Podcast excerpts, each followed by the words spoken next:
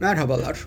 Bu haftaki podcast'te Rusya Başkanı Putin ile e, Çin Devlet Başkanı Xi arasında yapılan, Şubat başında yapılan görüşme ve bunun ertesinde yayınlanan ve çok önemsenen e, ortak bildiri üzerinde e, duracağız. Oku, dinle, izle. Kısa Dalga. Bu ciddiye alınan bir bildiri oldu. Çünkü zamanlama olarak Ukrayna krizinin e, yoğunlaştığı ve Çin'in de aslında bir süredir Tayvan üzerinde baskı yaptığı bir döneme e, denk geldi. Bu uzun süredir Amerikalı stratejistlerin Amerikan Savunma Bakanlığı'nın neredeyse 90'lardan beri üzerinde durduğu iki cephede e, savaş doktrinine uygun bir hal almaya başladı. Yani aynı anda Çin ve Rusya biri Tayvan diğeri Ukrayna'da e, hareketi askeri harekete geçerse hani Amerika bu ikisiyle baş etmekte çok zorlanacak. E, bu bildirge hani bu, bu, bu dönemeçte gündeme geldi. O yüzden de hani içeriğine biraz bakmak gerekiyor. Çok önemsendi, hani dikkate alındı.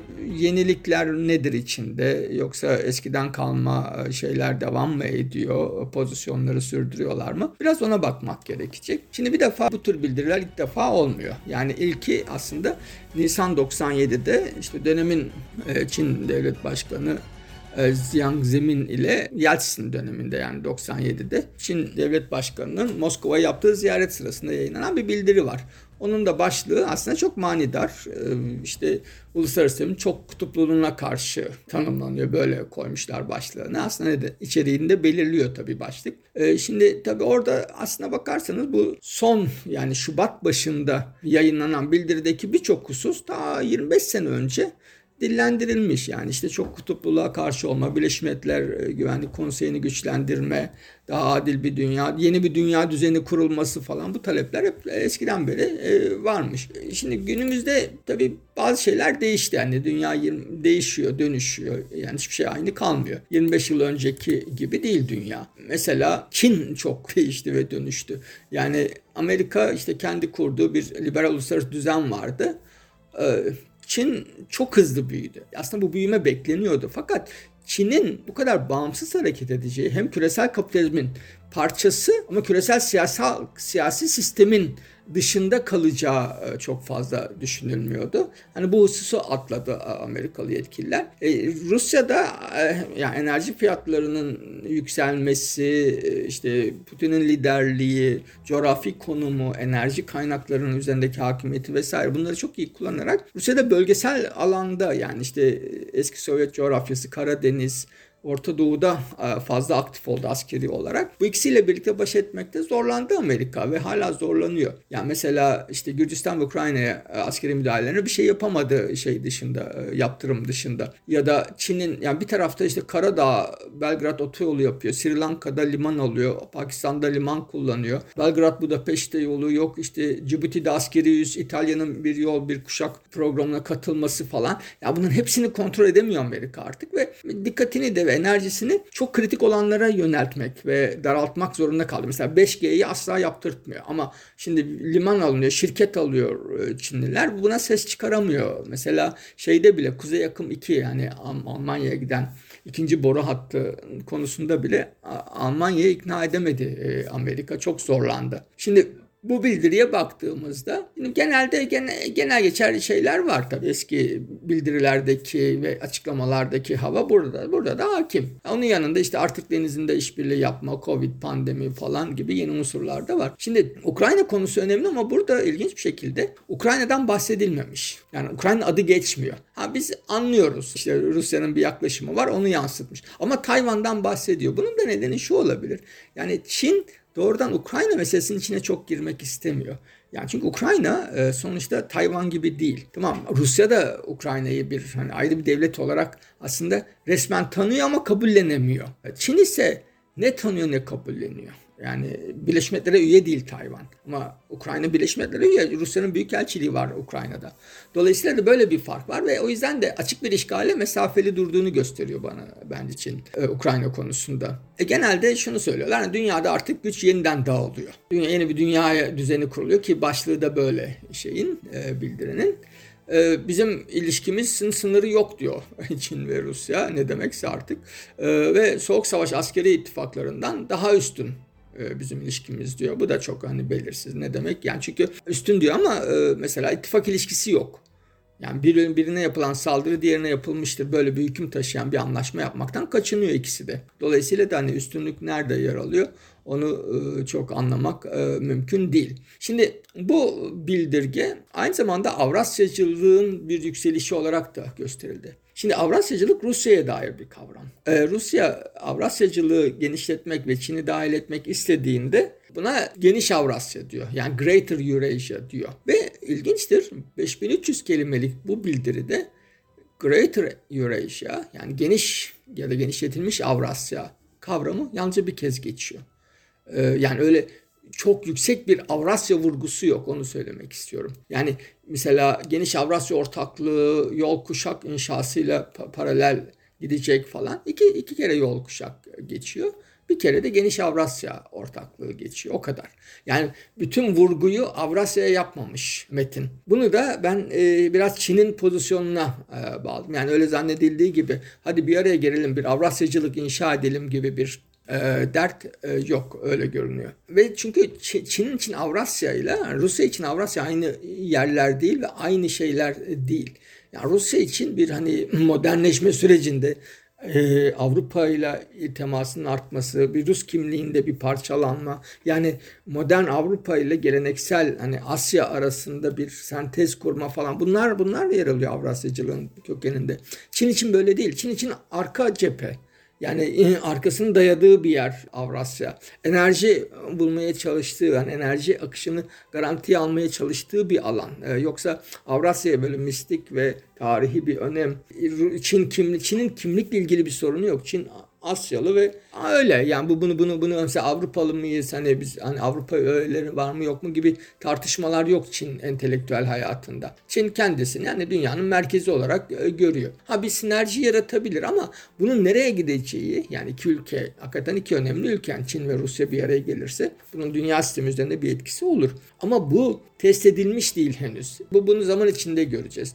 Şimdi çok kutupluluk meselesi üzerinde durmak gerekiyor. Şimdi ilginç bir şekilde geçmişteki e, metinlerden farklı olarak burada e, taraflar çok kutupluluk konusuna farklı yaklaşmışlar. Şimdi e, Rusya şöyle diyor yani karşılıklı pozisyonlarını de ortak bir ifade yerine birbirlerinin pozisyonlarını, farklı pozisyonlarını desteklediklerini söylemekle yetinmişler. Bu ilginç bir şey. Yani şöyle diyor. Rus tarafı Çin tarafının önerdiği insanlığın ortak geleceği için topluluğun yani Community of Common Destiny of Mankind. Yani bu böyle tuhaf bir ifade aslında.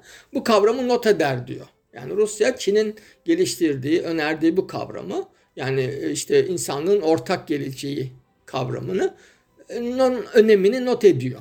E, Çin tarafı da Rusya'nın uluslararası ilişkilerin adil bir çok kutupluluk içinde olması e, çabasını not eder diyor. Yani biri insanlığın ortak geleceğine vurgu yapıyor, diğeri uluslararası sistemin yani Rusya uluslararası sistemin çok kutuplu olmasına. Rusya çok kutupluluk demiyor yani onu söylemeye çalışıyorum. Ve bu da çok önemli bir ayrım ve bu ayrıma hiç dokunulmadı, hiç değinilmedi. Onu da ilginç buluyorum. Yani oysa ortak olarak bir ifade olarak çok kutupluluktan bahsedebilirlerdi. Ha bunu metin içinde birkaç yerde geçiriyorlar. 3-4 yerde geçiyor.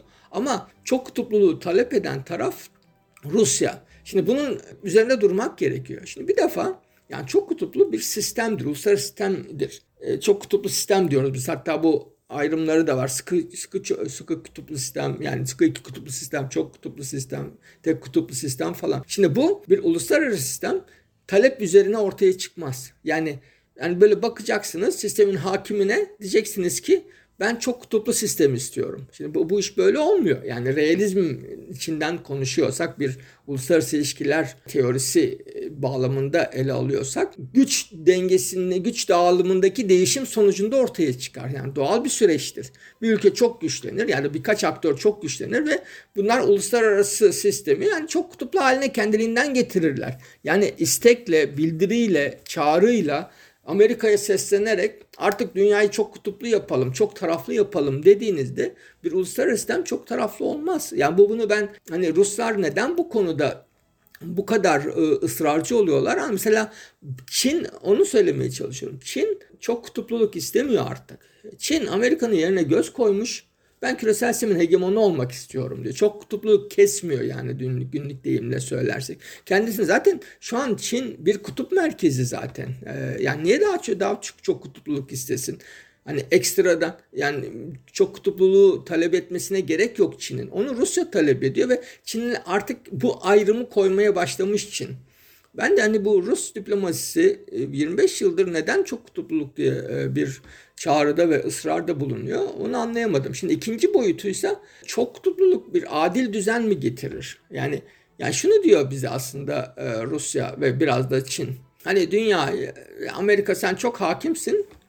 Bize bu küresel sistemin tepesinde yer aç.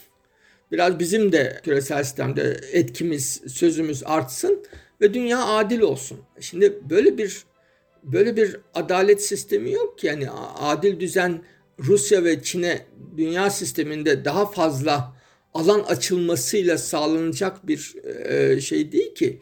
Yani dünyadaki bir sürü sorun var. Hani bu sorunlara dair ne bileyim gelir dağılımı eşitsizliği, çevre, bir sürü yerde iç savaş falan. Dünya sisteminin tek sorunu yani Rusya ve Çin devletlerinin e, ihtiyaç, stratejik ihtiyaçları değil ki.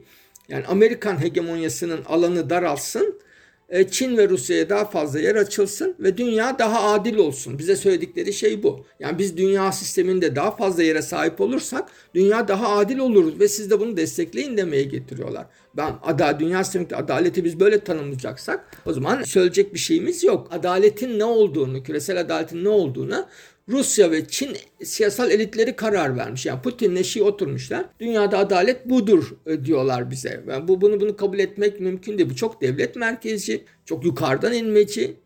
Yani dünyada milyarlarca insan yaşıyor. 7,5 milyar insan yaşıyor. Tamam bir 1.4 milyarı şeyde Çin'de ama hani mesela onların beklenti, beklentileri ne? Onların istekleri, talepleri ne? Bunları sormuyor. Yani stratejik düzlemde, jeopolitik alanda biz bu adalet işini halledelim diyorlar. Ve kendilerine küresel sistemde daha fazla yer açılmasını küresel sistemin adaleti olarak tanımlıyorlar. Ve bizim buna maalesef itiraz etmemiz e, gerekiyor şöyle bir yön var. Dünya sistemi tabii batı merkezli. Tepesinde de Amerika oturuyor. Bunu biliyoruz. Ve Amerika'nın işgalleri, müdahaleleri, darbe, halk hareketleri, çevre ülkeler üzerinde e, çok müdahaleleri var. E, rahat bırakmıyor. Ve biz bunu hani bunu genel bir emperyalizm olarak tanımlıyoruz biz bu süreci. Ama Çin ve Rusya hani yeni bir güç merkezi oluştururlarsa bunun e, karşısında bir direnç olabilir ve Amerika'nın çevreye müdahalelerini engelleyici bir etkiye sahip olabilir ve bu bunu olumlayabiliriz. Ama bu yalnızca bir başlangıç noktası olabilir. Bir nihai nokta olamaz. Varılacak bir yer olamaz. Buradan yola çıkarak yani Amerika'yı kısıtladığınız andan itibaren Amerikan müdahalelerini, baskısını vesaireyi buradan yeni bir şeye başlayabiliriz. Onlar yani Rusya ve Çin bunu yani işte oldu küresel sistemde adalet sağlandı deniyor diyorlar. Amerikan müdahaleciliğini, Amerika'nın yani Batı sistemine bağımlılığı, ekonomik bağımlılığı azaltacak bir e, yeni düzene hani itiraz edilmeyebilir ama bu bundan ibaret. Mesela şöyle bir örnek verebiliriz. Diyelim ki Amerika ile hani Çin ve Rusya anlaştı. Arka kapılarda hani diplomatik pazarlıklar yapıldı. Amerika dedi ki Afrika'yı bana bırakın. Tayvan, sen Çin Tayvan'ı istiyorsan al. E zaten tek Çin politikan var. Orayı sen bir il gibi görüyorsun, bir ülke gibi görmüyorsun. O Rusya'ya döndü. Sen de işte Zelenski'yi devir, Ukrayna'yı senin kontrolüne geçsin. Biz de Afrika'yı alalım. Şimdi buna öyle görünüyor ki Putin ve Şi hani böyle bir düzene diyecekler ki evet dünya adil oldu tamam biz hedeflerimize ulaştık. E bu ad, adalet değil ki yani küresel sistemin adı adil olmasından bizim anladığımız bu değil gelişme, e, sustainable development'ı almış. Yani o da zaten batılı bir kavram. Batıdan çıkan bir kavram. Yani hangi Dünya Bankası şey raporuna baksanız yani görüyorsunuz. Dolayısıyla da hani aynı kavramlardan hareket ediliyor. Dolayısıyla bu hani adil bir çok kutuplu sistem fikri Rusya'nın ortaya attığı. E, Çin'in biraz e, rezervli destek verdiği. Çünkü Çin çok kutupluluğu bir geçiş süreci olarak görüyor. Bir hedef olarak görmüyor. Rusya'dan ayrıldığı yer o.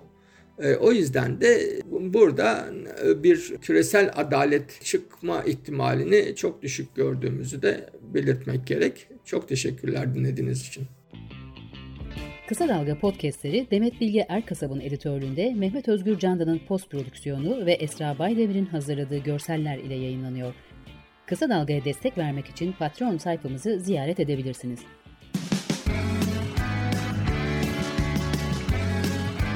Oku, dinle, izle. Kısa Dalga.